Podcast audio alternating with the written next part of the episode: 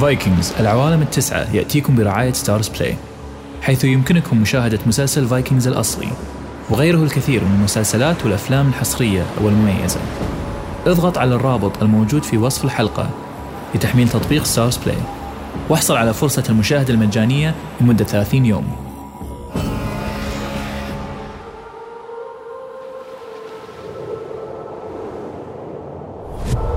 من بلاد الثلج والجليد وموطن الفايكنج البعيد. أروي لكم أعجب الحكايا النورديه التي تناقلتها الشعوب الإسكندنافية عن آلهة وعمالقة. وتسعة عوالم أسطورية.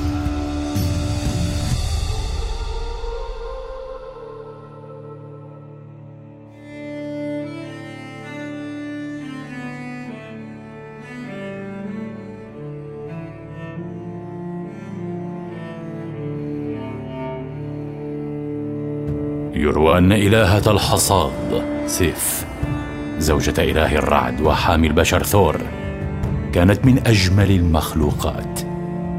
وكان يميزها شعرها الذهبي الطويل الذي كان يتماوج كحقل من القمح في يوم ربيع عليل.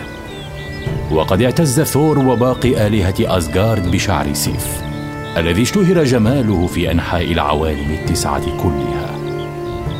ولذلك عندما قام لوكي الخبيث بقصه بينما هي نائمة في حديقة قصرها اشتعلت عينا ثور غضبا وهرع نحو لوكي الجبان ليثأر منه على فعلته.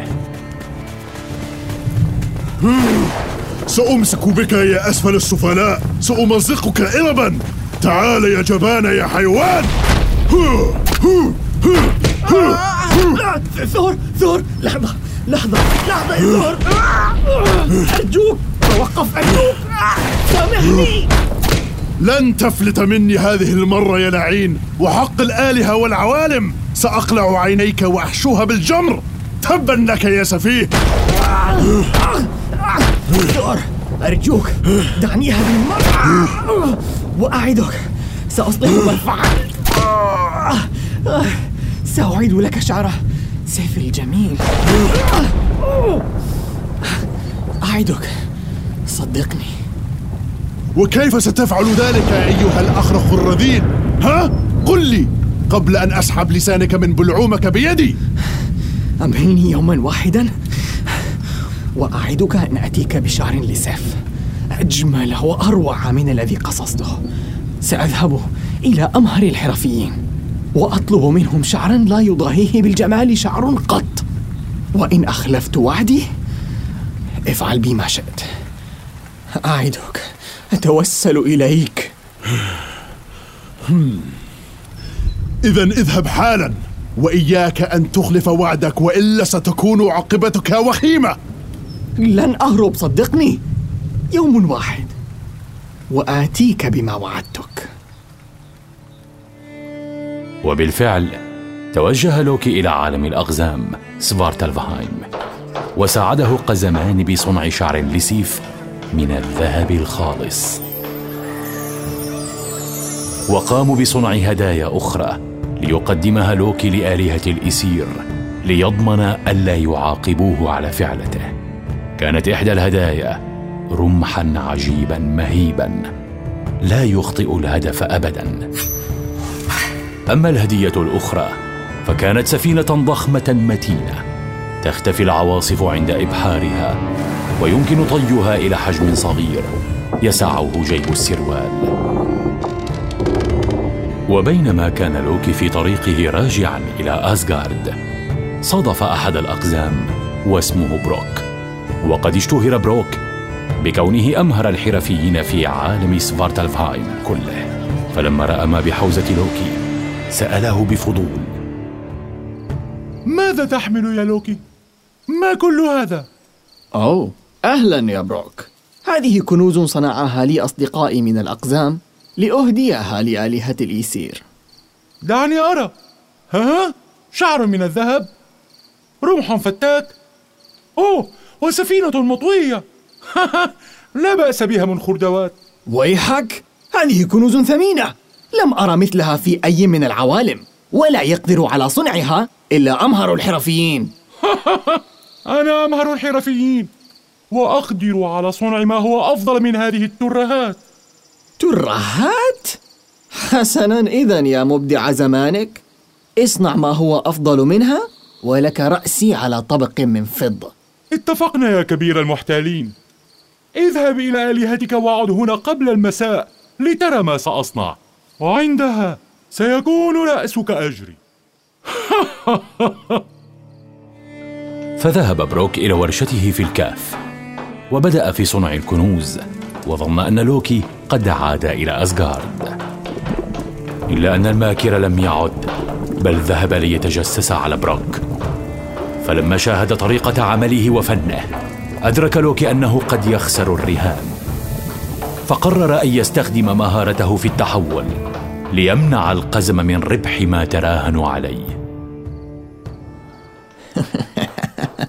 سأحول نفسي إلى دبور قارص لأشتت انتباه هذا القزم المتكبر فيفشل في عمله.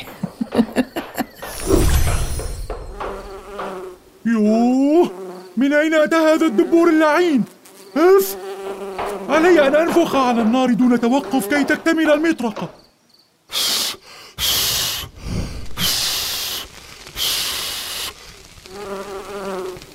آخ تبا لك يا دبور النحس. قرصتني في أهم مرحلة. اللعنة. يد المطرقة لم تكتمل بعد. ثم رجع لوكي لصورته الأصلية. ووضع نفسه خارج باب ورشة بروك. وكأنه عاد من أسغارد كما اتفقا فطرقا على الباب. ها يا بروك هل انتهيت من صنع إبداعاتك الفنية؟ نعم ولكن لا لكن ولا ماكن. علينا الذهاب الآن.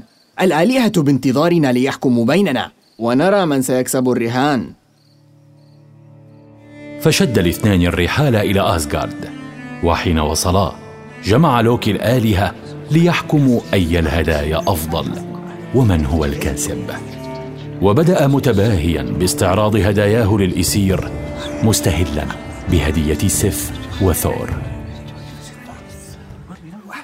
هكما وعدتك يا ثور.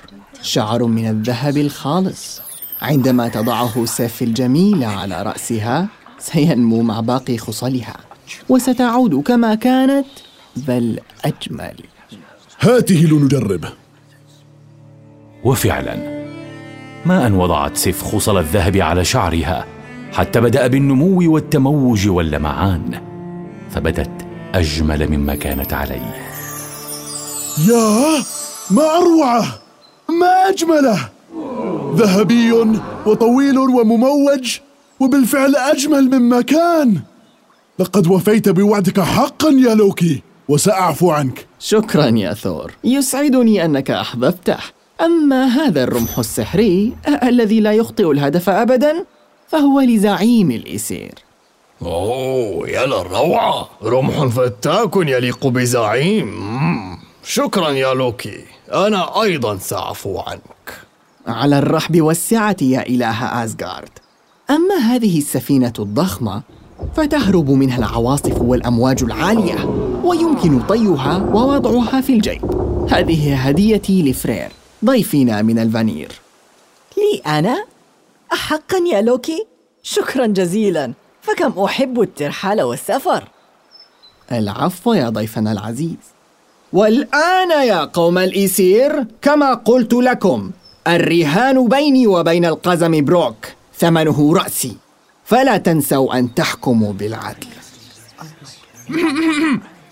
عمتم مساء يا آلهة أسغارد كما قال لوكي فقد صنعت لكم بعض الكنوز بسيطة. أولها هذا الخنزير الذي أهديه لفرير فهو من الذهب النادر وباستطاعته أن يجوب البر والبحر والسماء. أسرع من أي سفينة أو حصان أو ناس.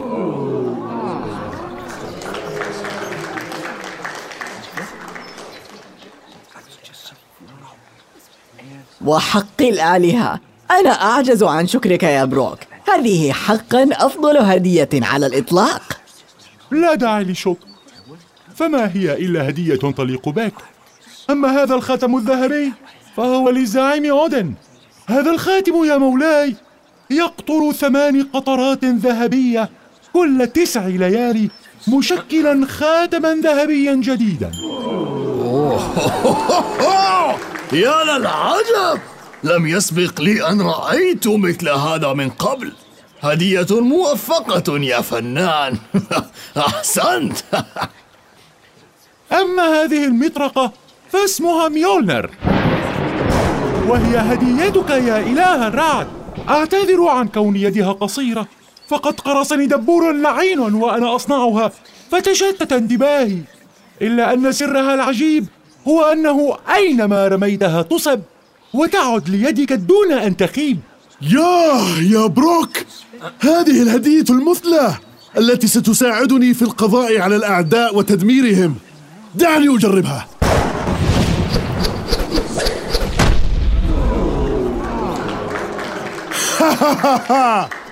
ميولنر مطرقة الفتاكة لن يهزمنا شيء أبدا.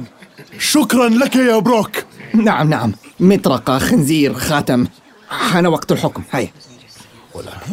علينا أن نفعل لا لا لا علينا أن نكون لا حصل حصل آه للأسف يا لوكي. أجمعنا على أن هدايا بروك أفضل بكثير. فعليك أن تعطيه رأسك. ماذا؟ لا لا لا, لا لحظة لحظة لحظة. تعال إلي يا ماكر فقد صنعت أيضا فأسا خاصا لأقطع رأسك به. حسنا ولكن تذكر الرهان جيدا. أنت قلت رأسي وليس رقبتي. فإن قطعت حتى القليل من رقبتي ستعاقبك الآلهة لغشك. أليس هذا صحيحا؟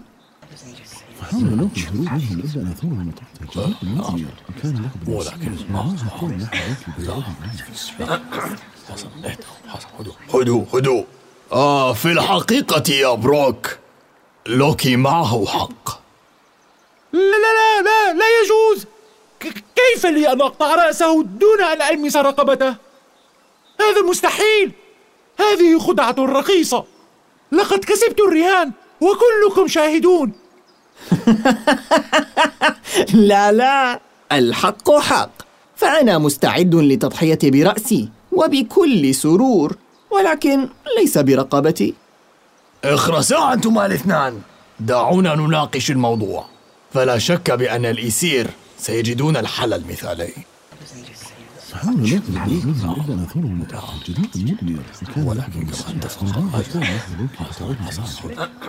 هدوء!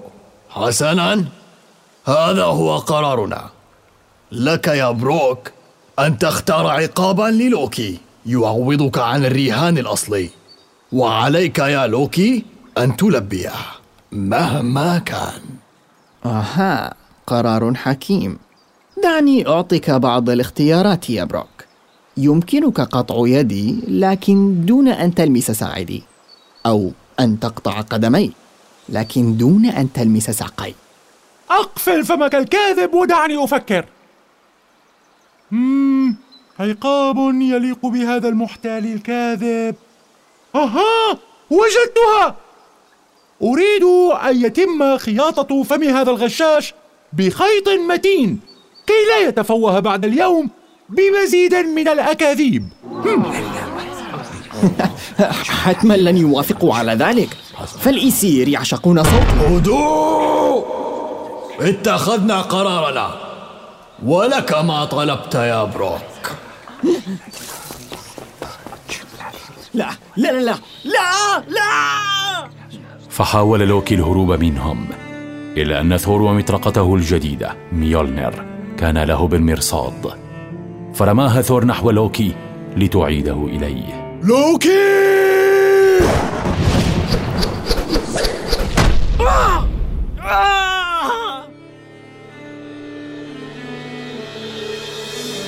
وهكذا أمسك الإسير بلوكي وبدأ بروك بخياطة فمه فورا.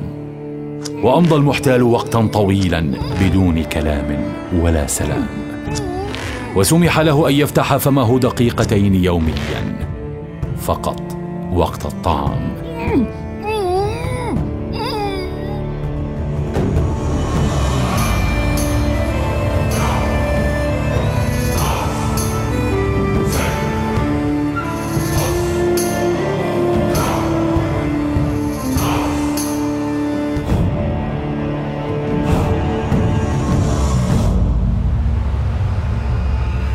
إذا أعجبتكم هذه الروايات فحتما سيعجبكم مسلسل فايكنجز التلفزيوني. المتوفر حاليا على ستارز بلاي بمواسمه الخمسة الكاملة. بالإضافة إلى الموسم السادس الجديد الذي يتم عرضه حصريا بنفس الوقت البث في الولايات المتحدة. اضغط على الرابط الموجود في وصف الحلقة لتحميل تطبيق ستارز بلاي واحصل على فرصة المشاهدة المجانية لمدة 30 يوم.